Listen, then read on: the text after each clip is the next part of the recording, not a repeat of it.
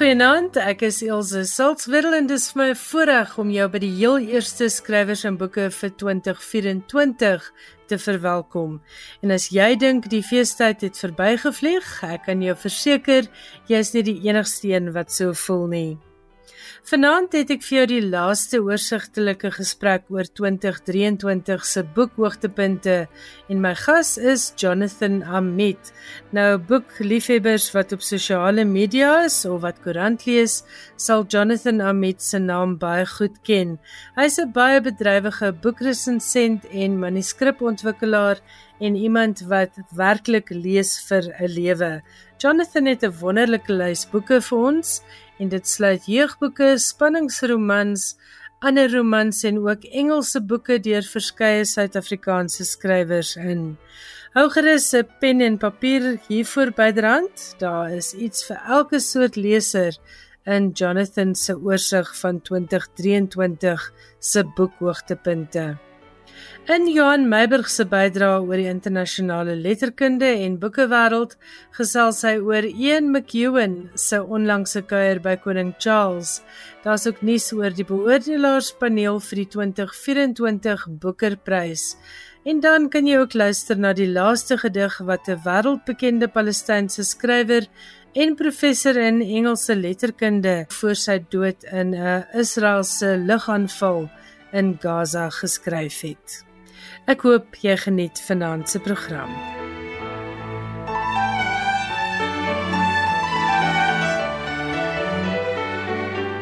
Jan Meiberg is eers aan die beurt met meer inligting oor vanjaar se Boekerprys beoordelaars.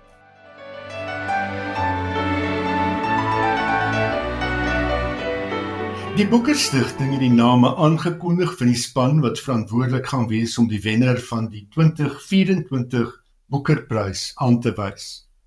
Romans wat tussen 1 Oktober 2023 en 30 September 2024 in Engels in die Verenigde Koninkryk en of Ierland uitgegee is, kom in aanmerking vir die prys. Edmund de Waal, porseleinkunstenaar en skrywer wat in 2011 die Costa Biografieprys verower het met The Hair with Amber Eyes, is die sameroeper. En die res van die paneel is Sarah Collins, 'n Jamaikaans-gebore Britse skrywer, Justine Jordan, The Guardian se letterkunde-redakteur, Yiyun Li, Chinese-gebore Amerikaanse skrywer en akademikus, en Nitin Soni, 'n Britse musikant, vervaardiger en komponis. Die grootste ambisie van die Booker-prys is om sonder vooropgestelde idees eie tyd se fiksie te verken, het De Waal in 'n verklaring gesê. Ek is bevoorreg om 'n leesjaar deur te bring in die geselskap van 'n uitgesoekte en vooraanstaande groep mede-verkenners. Ek sien daarna uit om deel te wees van die beste boekklub denkbaar. Gabby Woods, uitvoerende hoof van die Boekerprys Stichting, het gesê van jaar se beoordelaars is almal ingeligte lesers kreatiewe denkers en gesoute medewerkers. Almal van hulle is skrywers. Intussen hulle is daar eerstehandse kennis van die wetenskap, die regte, musiek en die kunste. Daarby het hulle lewenservaring wat die hele aardbol dek. Die paneel moet in Julie 'n lang lys van 13 boeke, die sogenaamde Boeke Dozen, aankondig waaruit 'n kortlys van 6 boeke in September aangewys word. Die wenner word dan in November aangekondig. Baie dankie Johan Meiberg. Skrywers en boeke elke woensdag aand tussen 8 en 9. Dit is die eerste skrywers en boeke in die nuwe jaar. Baie welkom hier by ons en vanaand praat ek met 'n boekresensent wie se naam jy ook behoort te ken as jy gereeld kyk na wat in die boekwêreld gebeur. Jonathan Amit, goeienaand. Baie welkom by Skrywers en Boeke. Hi Elsje, is baie lekker om met jou te gesels en goeienaand ook aan die luisteraars. Ons ken almal jou naam, maar nie almal weet wie jy is en wat jy doen nie. Vertel ons so 'n bietjie meer van jouself. Elsje, dis altyd 'n vraag wat 'n mens vrees as iemand vir jou sê, "Vertel my iets oor oor jouself of iets wat interessant is." Maar ek sal dit ek sal dit kort en kragtig hou. Meeste luisteraars sal my dalk ken as 'n uh, boekresensent en boekjoernalis wat ook nou en dan resensies oor reekse en films skryf, ook 'n groot liefde van my, maar my eintlike day job waar ek my pitte verdien en waar ek my uitleef is om as 'n manuskripontwikkelaar, 'n keerder en as redigeerder en proefleser te werk vir verskeie uitgewers en ook privaat. So ek lees ontsettend baie. Ek wil myself verstout om te sê ek lees vir 'n lewe wat 'n uh, ongelooflike plesier is, iets wat my baie baie gelukkig hou. En my werk voel nie eintlik vir my soos werk nie. Meeste van die tyd kan ek sê ek geniet regtig regtig wat ek doen. En ek dink ons ons boekbedryf ten spyte van klein fetes en bekgevegte en redelik gesonde diskurs is op 'n baie baie goeie plek. En ek dink lesers was was besonder bederf hierdie jaar met 'n ongelooflike oes. En ek dink ons sien almal uit na wat volgende jaar sal hou, maar 2023 was 'n baie baie goeie boekjaar. Jy is 100% reg. Ek dink dit gaan van krag tot krag in Afrikaans en ook in die Engelse Suid-Afrikaanse boekbedryf. So wat was op jou lysie van beste boeke vir 2023? Dis 'n baie lang lys. Ek gaan probeer om by by almal uit te kom. Ek weet jy het al 'n paar boekgesprekke gevoer, so ek gaan net gou vir jou 'n paar van die van die boeke lys wat heel bo op my lys is. Vir 2023 boek wat heel bo op my lys is. Ek dink daar's konsensus dat dit 'n uitstekende boek was. Ontsettende diepgang. Ehm um, ek dink dit het ook 'n uh, 'n soort crossover appeal. Jy weet dat mense wat nie noodwendig uh swaar nie fiksie wil lees nie, ook hierdie boek sou lees. Dis Anne Marie van Niekerk se onder 'n 'n bloedrooi hemel. Dis 'n boek wat my baie lank bygebly het nadat ek dit gelees het. Dis uitstekend geskryf, stilisties voortreffelik. Die die temas loop wyd. Dis 'n boek met 'n uh, 'n politieke seggingskrag, maar is ook ontsettend persoonlik. En ek dink dit was een van my van my gunsteling boeke. Ek kon dit eenvoudig nie neersit nie in terme van romans. Ek dink daar is 4 boeke wat ek hier op my lys het wat ek dink dit gaan dit gaan uitspook vir die vir die toppryse volgende jaar. Reg bo in daai lys, ek dink nie veel lesers sal hiermee kan stry nie, is Eben Venter se Decima. Veral was dit vir my interessant uh skrywer van van Eben se gehalte wat dit steeds reg kry om om te vernuwe in sy boeke. Hy skryf vir my al hoe meer op 'n vlak waar hy die die persoonlike kombineer met 'n liriese soort prosa en baie wye tematiese diepgang. Ek dink Decima is 'n oorrompelende roman. Dit is 'n boek wat 'n mens aan die hart gryp reg van die eerste bladsy tot en met die ontsettend ontroerende elegiese slot. Dink dis dis 'n dis 'n baie baie sterk werk. Dalk een van my gunstelinge en ek dink uh Eben Venter het homself met hierdie boek oortref. Johannes Sou se se sluitstuk, 'n boek waaroor mens baie lank kan gesels, 'n miljoen verskillende aansluitingspunte en aanknopingspunte, maar ek dink wat 'n mens hier moet onthou is die feit dat daar 'n uh, baie baie intelligente en verbluffende vermenging van van feit en fiksie is. Die grense van wat 'n roman kan wees en behoort te wees word hier uitgedaag op 'n baie intelligente onderhoudende wyse en ek dink Johannes sou het iets spesiaals hier geskep. Die leeservaring wat my dalk die meeste ontroer het saam met Decima hierdie jaar was Fanny Nudee of Essie Nudee se van Vaders en Vlugtelinge. Ek is al lank 'n uh, aanhanger van van Fanny se boeke. Ek dink hy doen ontsettend goeie werk as 'n kortverhaalskrywer en ek dink as 'n romansier het hy homself met hierdie boek oortref. Die boek speel af in verskillende afdelings oor kontinente. Dit het verskillende karakters wat oorvleuel en wat 'n lewenservaring met mekaar deel. Dis 'n ontstemmende boek. Dis 'n boek wat 'n mens laat dink. Dit maak jou plekke ongemaklik, dit ontroer jou.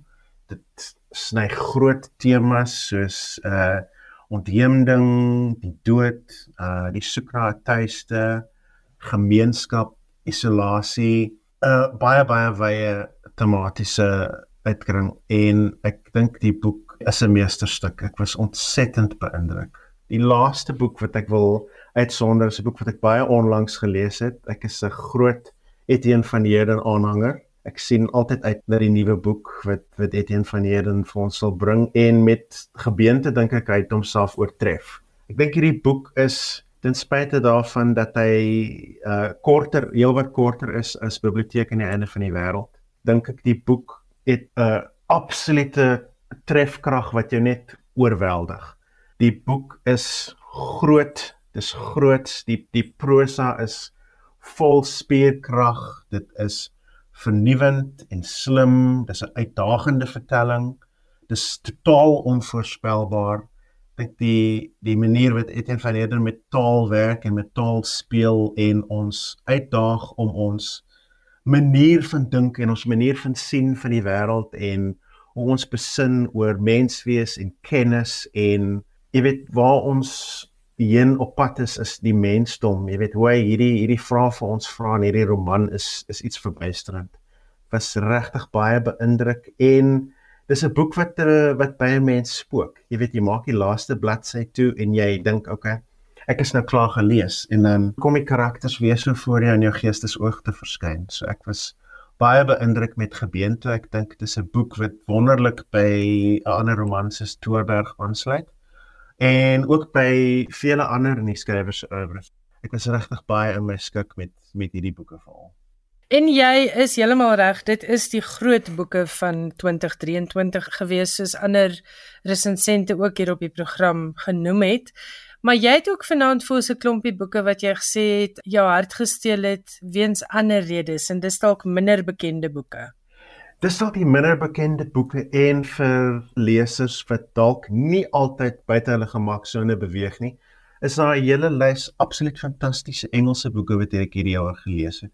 Ek het van die lig af uh vroeër bietjie vir vertel van die krag van die Engelse debuut vir my in 2023. Ek dink al die boeke wat in die die COVID tyd gebroei het, waaraan uitgewers geslyp het met debuutskrywers veral wat 'n uh, 'n ware merk gemaak het op hierdie jaar vir my. Ek het 'n hele lys. Ek het 'n paar van hulle wat ek my wil verstout om te sê wat dit gaan uitspook vir die groot pryse. Ek wil begin met uh Sven Axelrod se se Buried Treasure. Dis 'n boek wat ek met soveel mense as wat ek kon bespreek het, hulle gesê het, jy moet hierdie boek lees. Dit het my totaal van my voete afgeslaan. Dit is 'n absolute fees van slim en skepende en eintlik onvergeetlike prosa met 'n aweregse aanslag wat 'n mens eenvoudig nie in meeste ander boeke gaan gaan aantref nie. Dis 'n betreklik eenvoudige verhaal. Dit het elemente van die van die fabel, van die gotiese. Baie van dit speel in hierdie klein dorpie met die naam Vivo af met die hoofkarakter van Matteus. Dit sny groot temas aan die liefde, die dood, die betekenis van woorde, hoekom stories vir ons saak maak as mense, jy weet, ons soek na gemeenskap en intimiteit met ander maar is ook ontsettend snaaks. Daar is 'n lieflike donker bruisende humor wat jy in die boek aantref.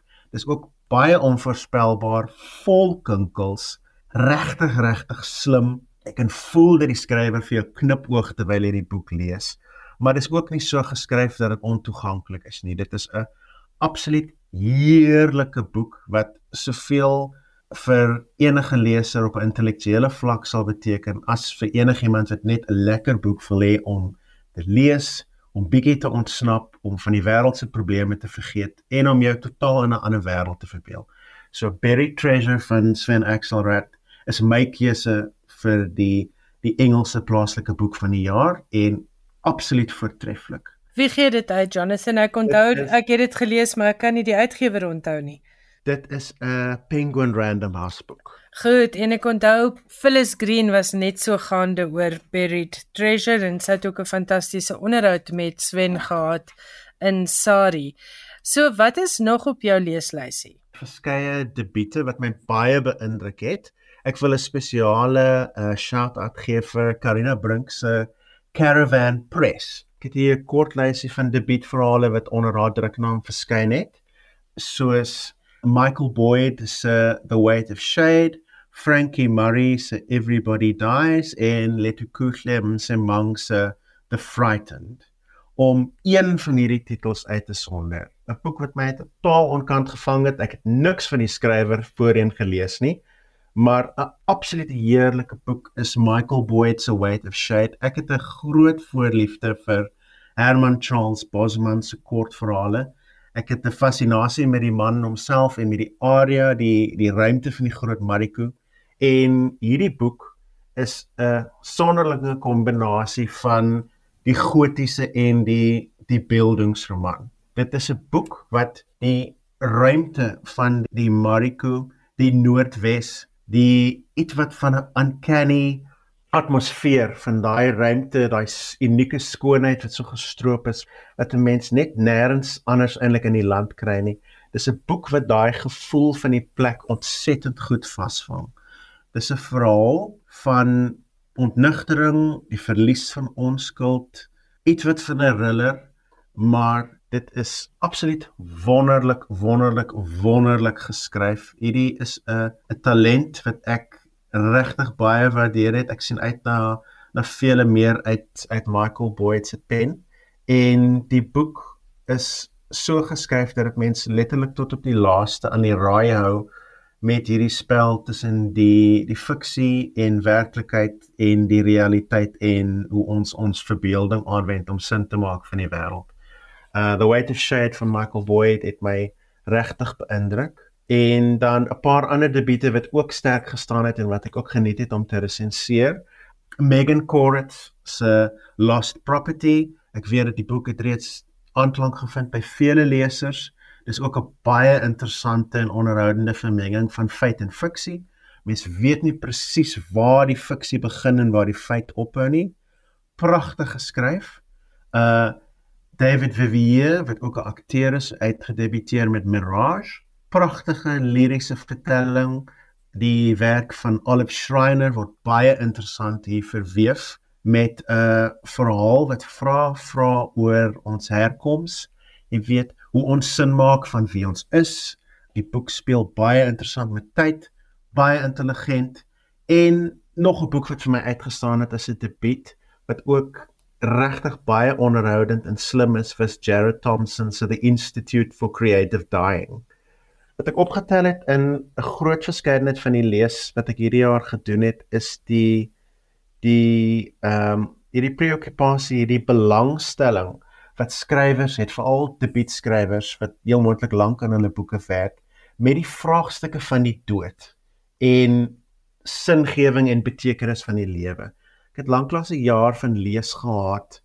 Dit speel deur Barry Treasure, Evan Venter se Decima, sluitstuk gebeente van vaders en vlugtelinge en soveel ander boeke wat ek ook gelees het hierdie sentrale vraagstuk van hoe ons op hierdie stadium op hierdie tyd en plek in Suid-Afrika en in die wêreld met soveel versplintering van die gemeenskap, soveel onsekerheid, die verlies van metanarratiewe wat uitspeel, jy weet, die verdeeldheid wat ons van sin maak in die wêreld en die onsekerheid wat ons het oor die toekoms. Hoe hierdie vraagstukke uitspeel in fiksie in klein en groot fases. Ek dink ons het eh, 'n uh, jaar gehad waar skrywers nie bang was om vermeel te eksperimenteer nie en om groot vraagstukke te takel nie en ek dink hulle het dit hulle het dit baie goed gedoen. Jonathan, gee net vir ons weer daai titels. Dis Lost Property van Megan Choritz en dit is uh Melinda Ferguson books. Dit is 'n uh, uh, druknaam van NB. David Vivier is Penguin Random House. Maar wat is die boek se naam nou weer? Die boek se naam is Mirage. Goed, en dan die derde boek waarvan jy gepraat het? Uh The Institute for Creative Dying. Ja. Is, uh deur Jared Thompson en dis Pan Macmillan. Fantasties. Goed. Ja. En die ander titels was by Caravan Press. Ja, dit is Karina Brink se Karina Brink se druknaam. Goed. Wat is daar nog op jou lysie en as jy pas ingeskakel het, my boekkenner vanaand is Jonathan Ahmed. Hy is 'n boekresensent, manuskripontwikkelaar en iemand wat baie doen vir die boekbedryf in Suid-Afrika. Elsa, ek sal vir jou nog 3 uitsonder wat ek deur die loop van die jaar gelees het en wat my 'n bietjie gerus gestel het oor waar ons osself bevind in die wêreld. Die eerste een wat ek sal uitsonder is uh Each Mortal Thing deur uh wonderlike skrywer, oud akademikus, Engelse professor uh, Michiel Heinz. Ek is 'n uh, ek wil nie sê 'n lewenslange aanhanger van Michiel Heinz nie, maar ek lees sy boeke al vir 'n baie baie lang tyd. Michiel Heinz is vir my 'n skrywer wat sonder om opgesmik of pretensieus of prekerig te wees, dit reg kry om as 'n oud akademikus toeganklik en intelligent vir sy lesers maar te skryf. Hierdie boek Each Mortal Thing dek wyd uit in lopende temas. Dit het 'n betrekking op akademiese gesprekke wat ons het op idees van uh cultural appropriation, die resepsiekunde, hoe ons werk met tekste, die oorvleeling tussen 'n lewe en 'n teks.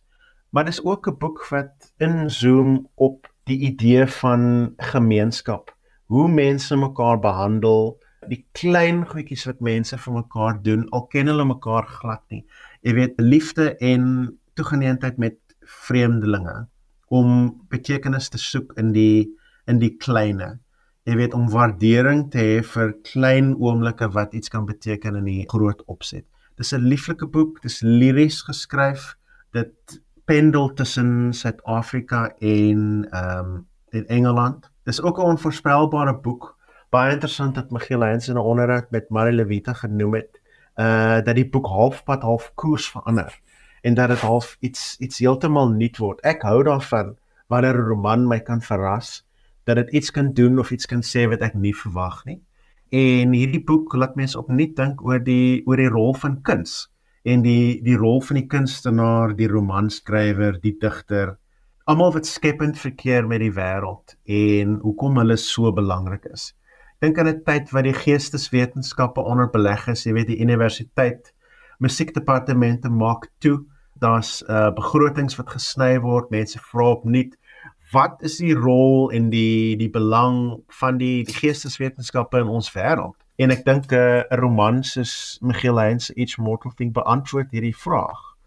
Nog 'n boek wat ek baie onlangs gelees het wat ek dink 'n moet lees is vir enige leser wat 'n belangstelling het in die die wêreldwye die globale politiek en ook lief is vir die die goeie romankuns is Andrew Brown se uh, The Bitterness of Olives. Ek het onlangs 'n paar gloeiende resensies en besprekings daarvan gesien. Dis 'n uh, boek wat uitspeel in die Midde-Ooste. Dit het ongelooflike profetiese seggingskrag. Ek dink nie Andrew Brown toe hy die boek geskryf het en die boek kom al jare weet ek. Uh van hierdie konflik wat afspeel uh in die Midde-Ooste dat hy enigstens 'n idee gehad het wat op die die 7de Oktober van hierdie jaar sou gebeur met die die konflik wat nou letterlik voor ons op die die TV-skerm uitspeel uh in Israel en en Gaza in die Midde-Ooste nie.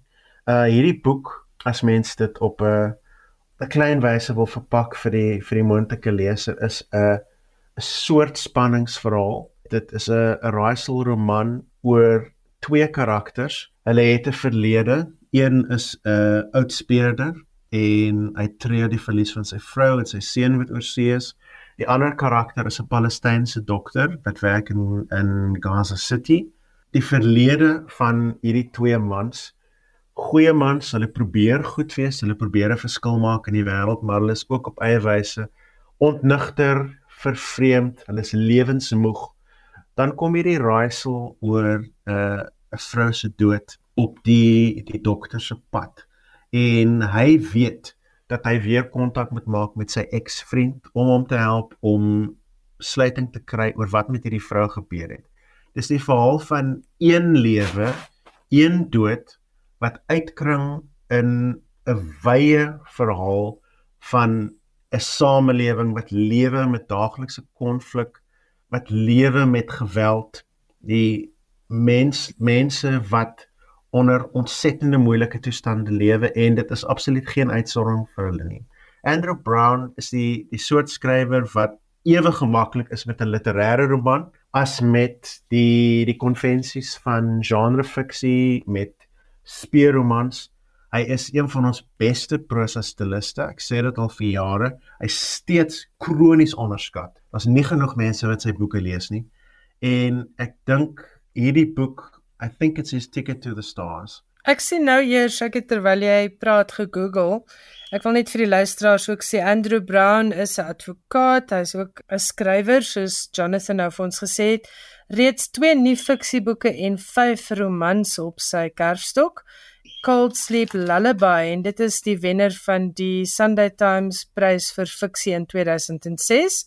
En dan is daar ook Refuge wat gekortlys was vir die Commonwealth Writers Prize for Literature in Afrika in 2009. Hy was ook gekortlys vir die Sunday Times se Allen Patent toekenning in 2009 vir nog 'n boek Street Blues: The Experiences of Reluctant Policeman. So nie 'n skrywer waarvan ek al voorheen gehoor het nie, maar iemand wat ek definitief nou wil lees nadat jy oor hom gepraat het. Dit maak my baie bly as ek 'n nuwe skrywer in jou kan voorstel. Andrew is ook benewens die feit dat hy 'n skrywer is, hy's 'n advokaat, hy's 'n polisiereservis. Hy doen werk vir welsyn en die belange van kinders wat hy bevorder. Hy is 'n regte old school good guy. Hy's een van die van die min mense wat wanneer jy hom sien, altyd besig is om iets nuuts te skryf, maar altyd besig is om 'n uh, verskil in die wêreld te maak. En met hierdie boek, sonder om prekerig te wees of om vir mense te vertel, glo dit, doen dit, hierdie is hoe jy moet sien, val op die regte kant van die geskiedenis. Vertel hy hierdie intieme verhaal wat ontsettend wyd uitkring en mens kan eenvoudig nie help om jou te verdiep in hierdie boek nie. Dit is 'n pragroman. Ek is ontsettend bly dat Caravan Press braaf genoeg was om hierdie boek te publiseer. Karina Brink is 'n uitgewer wat ontsettend baie vrou alleen doen en ek sien haar en haar uitgewer van van krag tot krag gaan en ek dink hierdie boek gaan 'n soort flagship wees vir mense wat kyk na die gehalte van die van hierdie boek van Business of Olives en dan gaan dink ek wil verder belê in die in die skrywers wat sy uitgee en die soort verhale wat sy vertel. En ek dink Caravan Press gaan 'n uh, gaan 'n bumper 2024 hê met die met die gehalte boeke wat ons hierdie jaar gesien het. Ek is baie bly dat jy vir ons vertel het van Andrew Brown. Die titel van die boek net weer The Bitterness of Olives. En dit is Caravan Press.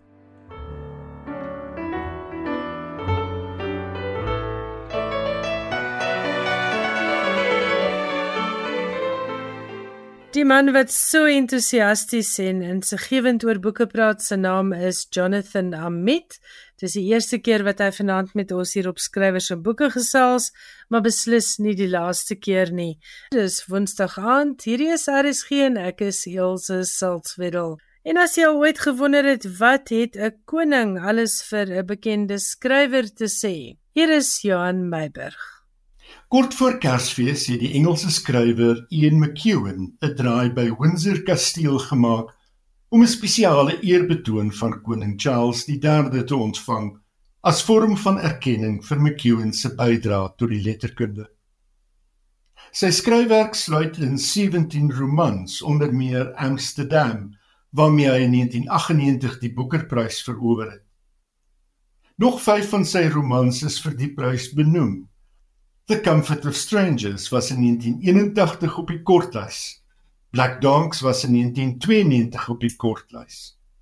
Atonement was in 2001 op die kortlys. Saturday was in 2005 op die langlys en On Chesil Beach was in 2017 op die kortlys. McEwen het gesê lidmaatskap van die Order of the Companions of Honor 'n orde waaraan net 65 lede behoort wat 'n besondere bydrae gemaak het tot die kunste, wetenskap, medisyne of staatkunde, is 'n enorme eer. Hy het bygevoeg dat die koning hom uitgevra het oor die skryfwerk waarmee hy tans besig is. Die vraag wat almal altyd vir skrywers vra, het hy bygevoeg. En hulle het ook kortliks gesels oor tuine waarin albei 'n belangstelling het. Toe die 75-jarige McEwen uitgevra is oor advies vir jong skrywers, was sy antwoord: Kom daagliks vir minstens 2 uur vry van die internet en sien jou eie gedagte wêreld as 'n tuin waarin jy kan wandel. Dankie Johan. Jy luister na skrywers en boeke, jou belangrikste bron oor Afrikaanse boeke. As jy pas ingeskakel het, ek gesels vanaand met Jonathan Ahmed. Hy kyk so 'n bietjie terug op 2023 se beste boeke en het ook vir ons reeds bekend gestel aan 'n nuwe skrywer of twee. Jonathan, wat is daar nog op jou leeslysie vir verlede jaar? Hierdie jaar het ek te heerlik gelees aan jeugboeke in Afrikaans. Ja, dit was 'n goeie jaar. Ek het 'n hele klompie boeke uitgesonder. Ek dink daar's 3 wat vir my uitstaan ek dink om vir uh Elrien Skeepers 'n groot lansie te breek. Ek dink sy is die mees onderskatte skrywer wat ons tans het wat skryf in Afrikaans. Ek dink nie enigsins dat daar genoeg mense is wat weet wat sy doen in fiksie en hoe goed sy dit doen nie. Maar ek wil haar boek, dis 'n 'n distopiese jeugverhaal as mens dit sou kan sê. Daar's 'n skeet wetenskap fiksie. Die boek se naam is waar jakkalse huil. Ek is lief vir daai poëtiese titel, daar skuil vir my baie in. Sonder om te lank te vertel oor die boek, dit is 'n toekomsroman wat ontsettend realisties omgaan met waar ons onsself in die toekoms kan bevind. Die boek vra vra oor die toekoms wat ons onsself verbeel, maar dit kaats ook 'n speel op waar ons is in 2023. Jy weet, goeie fiksie, goeie toekomsfiksie, wetenskapfiksie kan altyd beide doen. Dit kan altyd uh vorentoe kyk na die toekoms. Dit kan altyd goed terugkyk na waar ons was en dit kan iets van waarde sê oor waar ons onsself tans bevind.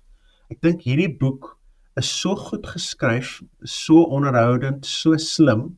Die intertekste wat sy inwerk, wil dit nie weggee nie. Maar die boek is so dig verweef en alles is so funksioneel. Elke klein detail wat jy in hierdie boek aantref, het 'n plek, het 'n doel. Daar is absoluut geen vet of oortollige inligting of onnodige detail wat in hierdie boek is nie. Dit is geslyp, dit is gespierd, dit is onderhoudend, dit is baie baie slim en dit maak van die Afrikaanse jeugverhaal iets met 'n baie baie wye aantrekkingskrag. Ek dink enige leser wat lief is vir lees, wat hou van 'n goeie verhaal, wat geslyp is en wat slim is, sal hierdie boek absoluut verslind. Ek kon eenvoudig nie genoeg van hierdie boek kry nie. Waar jakkals se huil, ek weet daar is 'n prys wat elke 2 jaar as ek dit nie mis het nie toegeken word. Dit is spesifiek vir wetenskapsfiksie of vir jeugverhale. Ek weet dis die Skepersprys.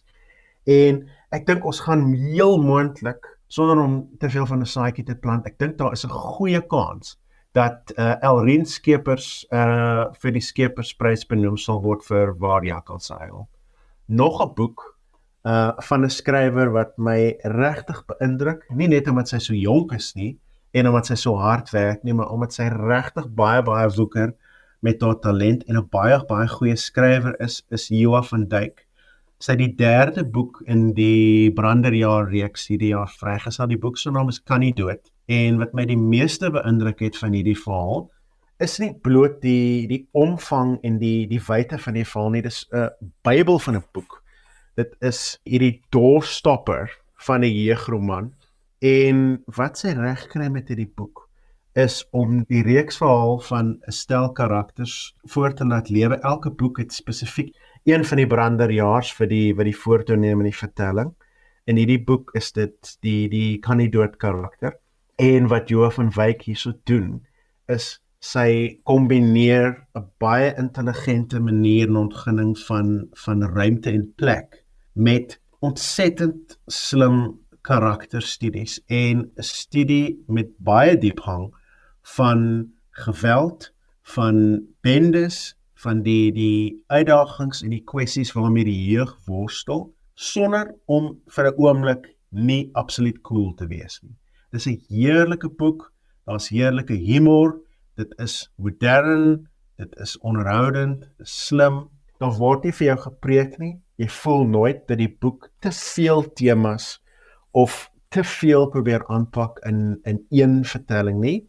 En die boek eindig met so 'n cliffhanger letterlik my naels afkou en nie kan wag vir Johan van Dijk om voor die rekenaar te sit en die die die volgende manuskrip vir uitgewer te stuur en dit klaar te maak dat ons die die vierde boek in die die Branderjaar saga uh, kan lees. My Ja, laaste Ek het ja, met jou ook gesels en sy's regtig 'n inspirerende jong skrywer. sy is fantasties. Ek's baie baie beïndruk met haar. Goed, jou laaste boek.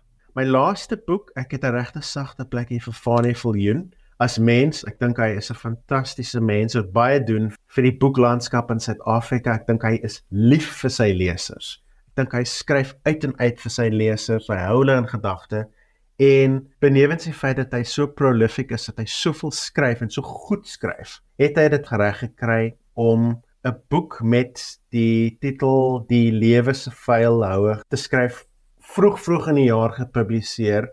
Ek onthou dit asof ek dit gister gelees het en dit is dalk vir my die mooiste jeugroman wat ek hierdie jaar gelees het.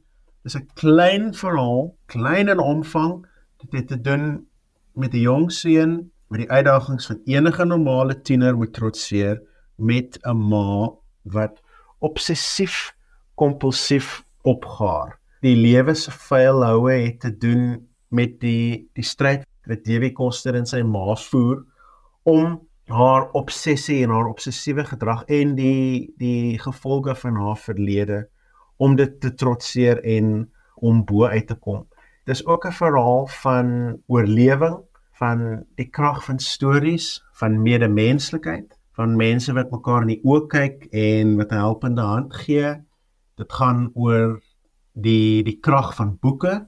Jy weet hoekom stories belangrik is, hoekom ons moet lees, wat stories vir ons kan beteken, um in terme van wat ons onthou en hoe ons onthou. En die argument word gemaak, ek dink redelik eksplisiet ook, dat dat Fani sê dat ons almal ons ons ons oë en ons ore moet oop hou vir die vir die gawes en die geskenke wat ander mense vir ons kan gee. Dis maklik om in hierdie polariserende tye jouself terug te hou en te isoleer. Ons is almal moeg, lewensmoeg, maar wat hierdie boek sê is ten spyte van die lewe se vuilhoue, ons moenie opgee nie en ons moet steeds hoopvol wees en ek dink dis 'n belangrike dis 'n belangrike boodskap wat wat Fanie Viljoen vir ons gee. Dit was 'n lieflike boek. Ek moet sê ek dit bly my by wat jy net al gesê het van karakters wat later weer in jou kop 'n draai kom maak. Ek het Fanny se boek so ervaar en dis vir een van die mooiste jeugverhale wat enige groot mens ook maar kan lees wat ek in die laaste paar jaar gelees het. Pragtige boek, nê? Nee. Ja, dit was regtig vir my aangrypend op vele vlakke en soos jy sê, presies die regte boek vir die tye waarin ons leef. Ja. Goed, Jonathan Hamid, wat is daar nog op jou lysie? Ek dink dit was 'n groot jaar gewees vir ons spannings en speurverhaalskrywers. Ek weet ek het onlangs 'n bietjie kritiek uitgespreek oor 'n oor 'n paar spanningsverhale waar ek dink die die skrywers 'n bietjie te veel te vroeg weggegee het. Maar ek dink oor die algemeen as 'n tamaie lys van boeke wat my wel baie baie beïndruk het en 'n paar wat bietjie met die formule gespeel het van die misdaadfiksie en wat ons kan verwag in terme van die formule wat ek baie geniet het. Goed, jy is welkom om vir ons te vertel. Dink nie uh, enige opname van die jaar sal volledig wees sonder om die die groot kanonne uit te sonder nie. Dink almal het teen die tyd 'n plan gemaak om Leo te koop, om dit te leen. 'n uh, Heerlike heerlike boek. Dion Meyer, ouer gewoonte, Benny Griesel, Won Kipedo. Fascinerende sentrale idee 'n heerlike spanningsverhaal, baie baie lekker geskryf, fantastiese karakters, lekker spannend. Vroeg in die jaar reeds, ek het amper van hierdie boek vergeet, het ek uh, Bettina Weingart se Lokval gelees. Bettina Weingart is een van daai skrywers wat vir my al hoe beter word en ek voel 'n mens kan dit sê sonder om enigiemand heuning om die mond te smeer. Bettina se boeke is uiters spannend. Dis altyd tegnies baie baie goed geskryf. Haar haar manier van die verhale bou en die skep van spanning is vir my van die bestes wat ons het. Sy is 'n uitstekende aksieskrywer. Maar wat sy met hierdie boek doen is om die formule wat sy het van spanning, van sterk vroue, van 'n onvoorspelbaarheid in haar haar skep van intrige tot 'n heeltemal 'n nuwe vlak te neem. Ek was baie beïndruk met Lokval. Een van die lekkerste boeke weer aan die einde van die jaar wat ek gelees het. Ek geniet Irna van Sail se boeke. Ek geniet haar as mens. Ek dink sy kry reg om elke liewe laaste greintjie van ervaring en ondervinding wat sy het as 'n oud joernalis, daai mensekennis, die manier hoe sy na mense kyk en hoe sy haar karakters uitbou om meer as bloot stereotypes te wees. Dink ek sy kry ontsettend goed reg in in Kwaai Water. Kwaai Water is 'n verhaal wat jou nie net boei op 'n sielkundige vlak van karakters wat onder kwaai druk verkeer binne 'n sekere bepaalde opset en met raaisels wat die wat die leser saam met Storm van 'n Merwe wil wil uitplas nie.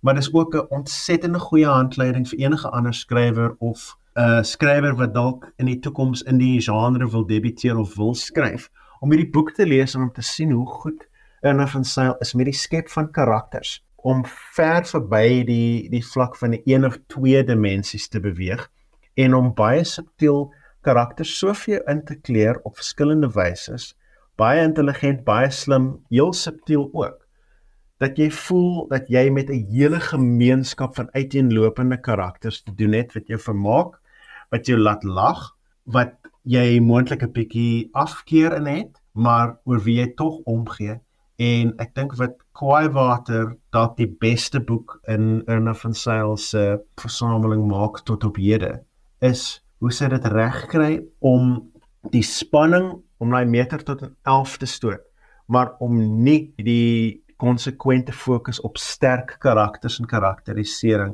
enigstens by die venster in te gooi nie. Daar is 'n ontsettende goeie balans in hierdie boek tussen vermaak en diepgang en dit is baie baie goed geskryf 'n paar uitskieters wat ek graag hier noem in 'n genre wat baie mense dikwels oor kla, daar's te veel misdaadfiksie, bereik ons 'n versadigingspunt, is daar werklik iets nuuts wat ons skrywers nog na die tafel te kan bring? My antwoord is natuurlik is daar iets nuuts. Die misdaadfiksie is nie iets wat al 'n paar honderd jaar soos in die Amerikaanse en die Britse en die Franse tradisie bestaan nie. Ons is ons is redelik jonk in ons misdaadfiksie. Uh ons beweeg al seker van 2010 miskien in literêre kringe waar die misdaadfiksie populêr gewild is. En ek dink ons het nog baie baie skrywers wat nog moet toetree en nuwe stories om te vertel. Paar van die uitskieterboeke vir my nooit volprese nie is uh Julio Agrella derde boek Zeus van Weingart en die Amazone van Atlantis. Dit is eenvoudig 'n voortreffelike stuk misdaadfiksie. Daar's 'n goeie skeet nuwe fiksie wat ingewerk word in die gegevens wat die wat die skrywer hier ondersoek.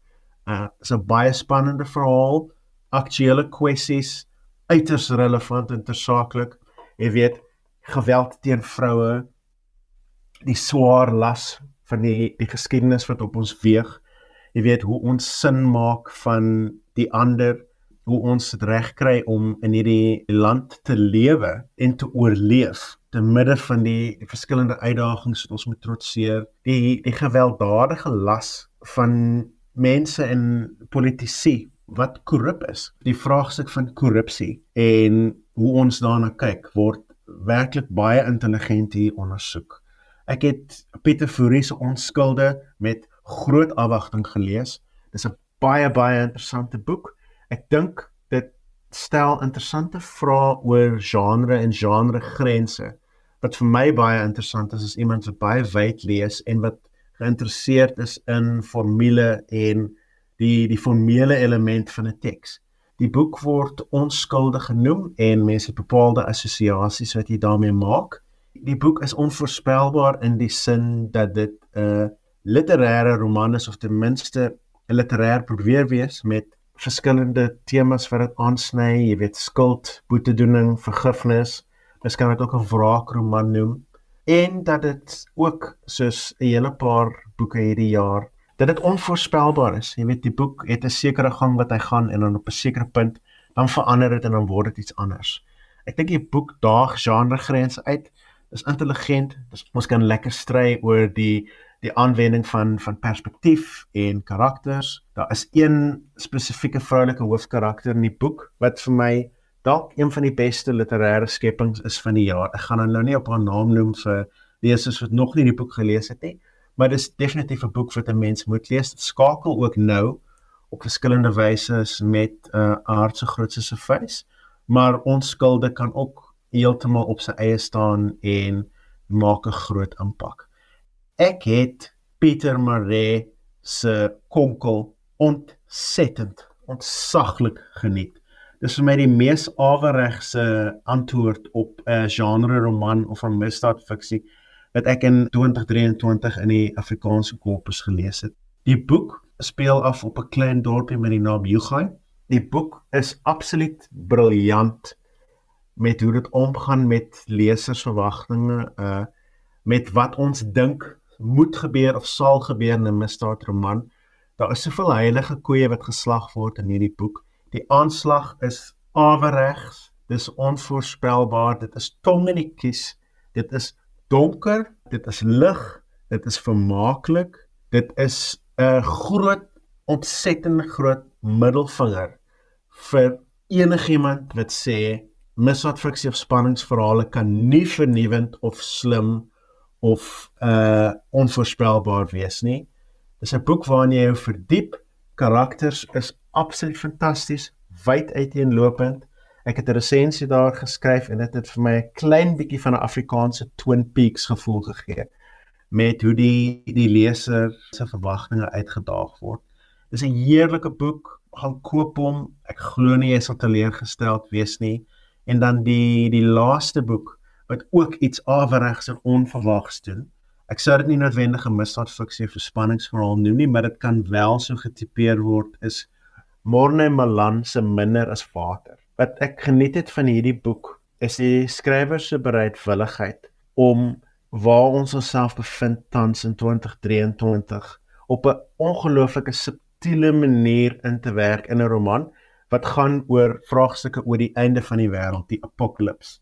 Ons lewe in 'n tyd waar dit vir ons al hoe meer voel of die wêreld dreig om te vergaan met omgewingskrisis, kapitalisme wat so heerskappy voer dat dit dat dit uitgebrand het.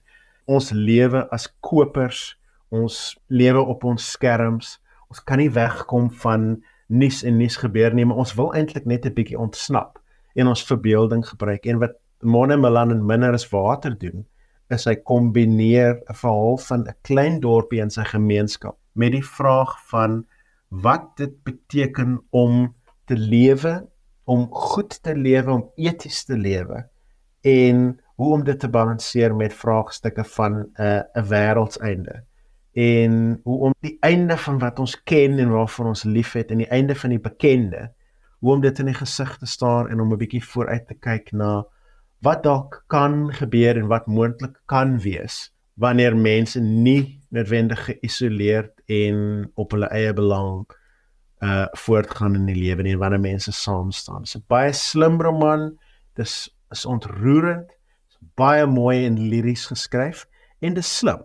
Ek dink uh daar is 'n goue draad wat deur die roman loop waar die skrywer fokus op die die roetes en die die reis van die die die Mauser geweer en waar dit 'n instrument en 'n simbool word van verskeie dinge in die roman. Ek weet dit nie vir lesers bederf nie, maar baie slim, baie onderhoudend, 'n uh, 'n titel wat jou vir lank gaan laat dink aan die in die betekenisse wat daarin opgesluit is en ek moet sê, uh dit is 'n groot merker vir die, die skrywer Morne en Belan. Ek dink hierdie boek het met die die kombinasie van vermaaklikheidswaarde en 'n letterkundige soort aanslag. Ek dink dis 'n soort boek wat die skrywer, veral in nuwe lesers, hierdie skrywer gaan inskat na waarde.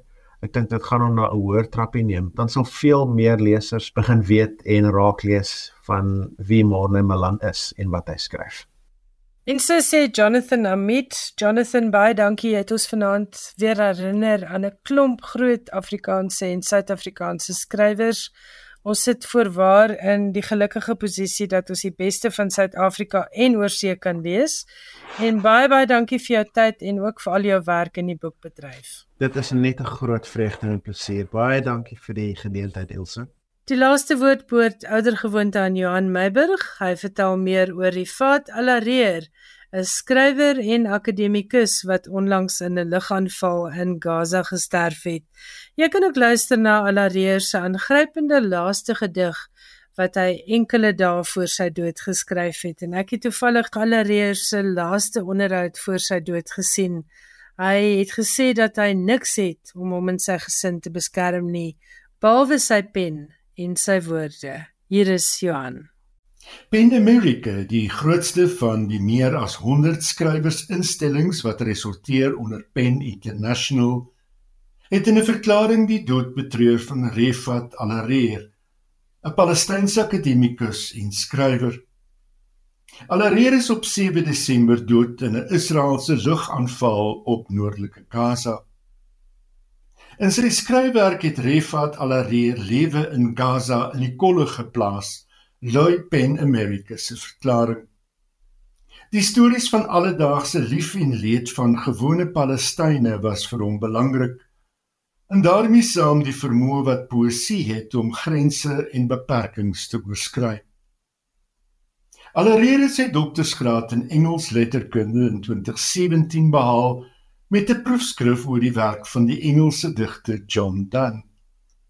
Hy was 'n professor aan die Islam Universiteit in Gaza waar hy benewens kreatiewe skryfwerk 'n kursus aangebied het oor Shakespeare en ook die skryfwerk van die Israeliese digter Yehuda Amichai na wie se poesie hy verwys het as beeldskoon dog gevaarlik. Allereer was die samesteller van twee bundels kortverhale Gaza Writes Back in 2014 en Gaza Unsilenced in 2015. In November het Allereer 'n gedig, If I Must Die, op die sosiale media platform X geplaas. 'n Gedig wat intussen in meer as 40 tale vertaal is. Hier lees Brian Cox die Engels vertaling van die gedig.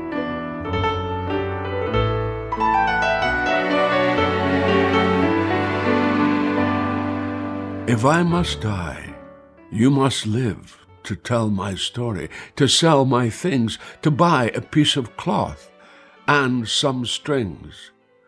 Make it white with a long tail, so that a child somewhere in Gaza, while looking heaven in the eye, awaiting his dad who left in a blaze and bid no one farewell, not even to his flesh, not even to himself, sees the kite my kite you made flying up above, and thinks for a moment an angel is there, bringing back love.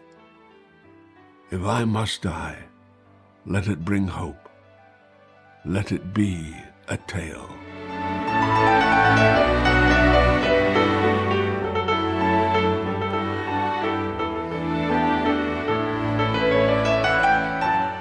Dit was die stem van die Skotse akteur Brian Cox. Hy het vir ons 'n gedig voorgeles uit die pen van Wyle Refat Alareer, 'n Palestynse skrywer en kenner van die Engelse letterkunde. En dis geskryf enkele dae voordat hy in Gaza in 'n lugaanval dood is. Nou ja, ek moet ongelukkig groet, maar baie dankie vir die saamluister. Tot volgende Woensdag aand om 8uur. Mooi bly en totsiens.